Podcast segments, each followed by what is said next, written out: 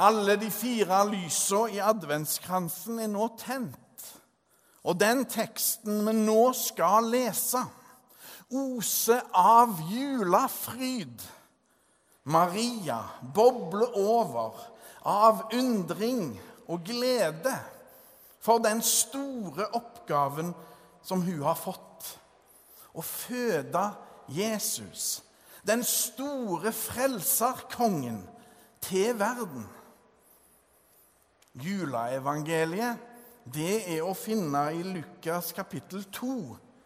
Det er kjent og kjært og så fint. Men sjølve julehistorien begynner egentlig i kapittel 1. Der starter alt. La oss høre Herrens ord.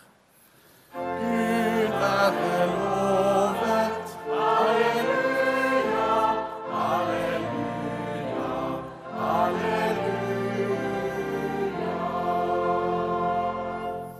Det står skrevet i evangeliet etter Lukas.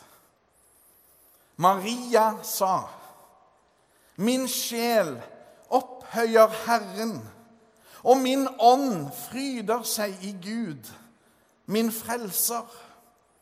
For han har sett til sin tjenestekvinne i hennes fattigdom. Og se, fra nå av skal alle slekter prise meg salig. For store ting har han gjort mot meg. Han, den mektige, hellig er hans navn. Fra slekt til slekt varer hans miskunn over dem som frykter ham. Han gjorde storverk med sin sterke arm. Han spredte dem som bar hovmodstanker i hjertet. Han støtte herskere ned fra tronen og løftet opp de lave. Han mettet de sultne med gode gaver, men sendte de rike tomhendte fra seg. Han tok seg av Israel, sin tjener, og husket på sin miskunn, slik han lovet våre fedre, Abraham og hans ett, til evig tid. Slik lyder det hellige evangelium. Gud være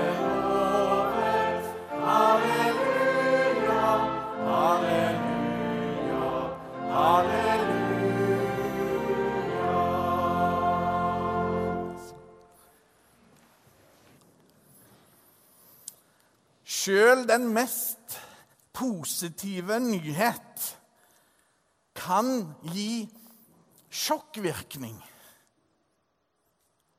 når Norsk Tipping på Hamar ringer til noen som har vunnet et stort beløp i Lotto, for eksempel. Da må de heldige forsikre seg om at dette faktisk stemmer. Vedkommende vinner får sjokk. Et positivt sjokk. Slik òg med Maria, som skal føde Gud til verden. Det er et forunderlig vakkert møte.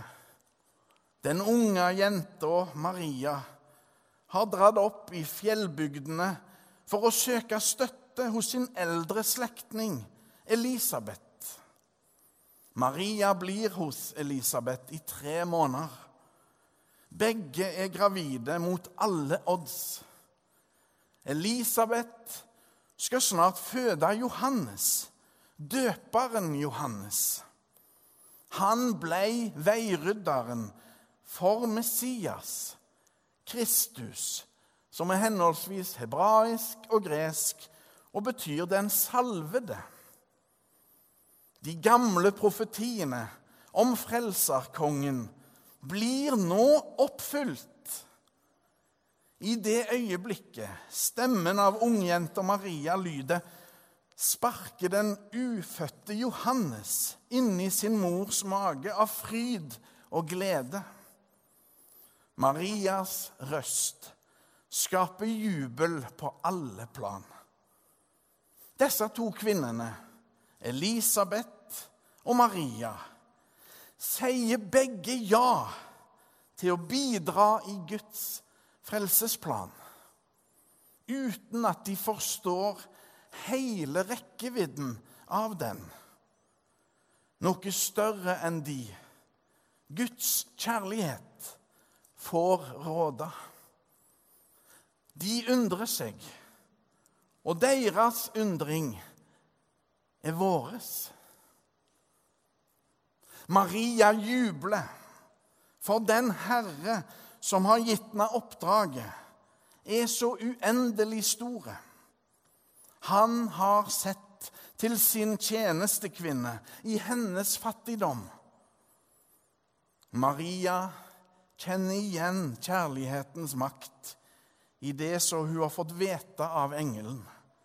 Kjærligheten, Gud altså, gjør det umulige mulig. Det meste av det Maria sier i sin jubel, har hun ikke funnet på sjøl. Nei, mesteparten er sitater fra Det gamle testamentet, med ord fra de hellige skriftene. Roper den unge jødiske jenta ut sin glede. Dette sitter i kroppen hennes. For noe mye større enn henne har forandra livet hennes totalt. Hun sier med profetisk klarsyn og se, fra nå av skal alle slekter prise meg salig, for store ting har han gjort mot meg. Marias jublende lovsang forteller at Gud handler nedenfra, viser sin makt og storhet gjennom de små og svake. Gud gjør ikke forskjell på folk. Gud løfter fram verdigheten, håpet og troen hos alle de menneskene som er så lette å overse. I kjærlighet handler Gud nedenfra. Og Marias lovsang ære den som æres bør. Budskapet om Jesus fikk fotfeste og tilslutning i folkemassene. Takket være Guds hellige ånd ble den kristne tro spredt utover hele jorda. Det er nemlig et slektskap mellom oss og Maria. Vi er vanlige mennesker. Gud må ha en forkjærlighet for vanlige mennesker, siden han har skapt så mange av oss. Og det er et slektskap mellom det ja Maria ga Gud, og våre ja til Gud. For Gud ser den enkelte. I Jesus blir Gud en av oss og løfter alle små mennesker opp til seg. Det er fullkommen kjærlighet. Som sagt, sjøl den mest positive nyhet kan gi sjokkvirkning. Så var det da òg en enorm oppgave Maria sa ja til. Hun trengte all den støtten hun kunne få. For Marias rykte var utsatt for folkesnakk og ondsinna sladder. Å bære fram Messias, den store frelserkongen, var veldig krevende og innebar mye usikkerhet. Men likevel er Maria trygge. Hun vet hvem som har gitt henne det hellige oppdraget. Maria vet hva som er sant. Maria er tilliten verdig. Julehistorien viser oss at Gud bryr seg. Gud går inn i vår, våre tøffeste og fattigste kår. For Gud er kjærlighet. Veldig få av oss får telefon fra Norsk Tipping om den store lottogevinsten. Men det er lov å drømme og håpe om at en dag, selv om det neppe skjer Guds drøm for sin elskede verden har virkelig skjedd. Maria jubla med rette. Hun bar fram Messias til verden, og han fullførte oppdraget og triumferte over døden. Vi er alle sett og elska. Uansett hva for noen utfordringer vi har i tilværelsen.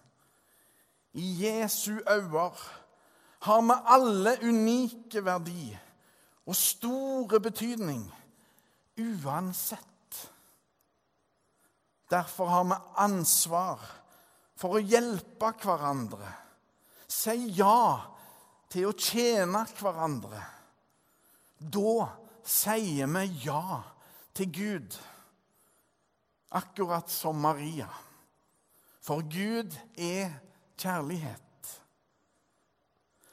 Herre Jesus, gi oss ditt nådige blikk så vi ser hverandre klart. Ære være Faderen og Sønnen og Den hellige ånd, som var, er og blir en sann Gud fra evighet og til evighet. Amen.